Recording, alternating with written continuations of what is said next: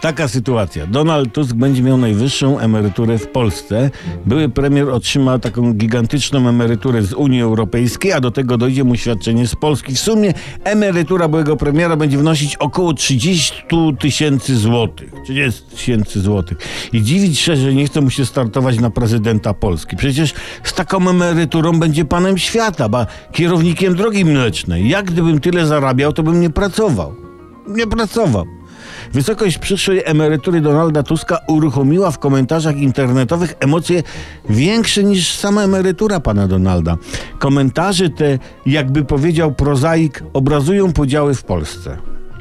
Pierwszy komentarz. Na nic zdrajcy interesów Polski ta emerytura się nie przyda podczas odsiadywania dożywocia za wielokrotną zdradę państwa polskiego.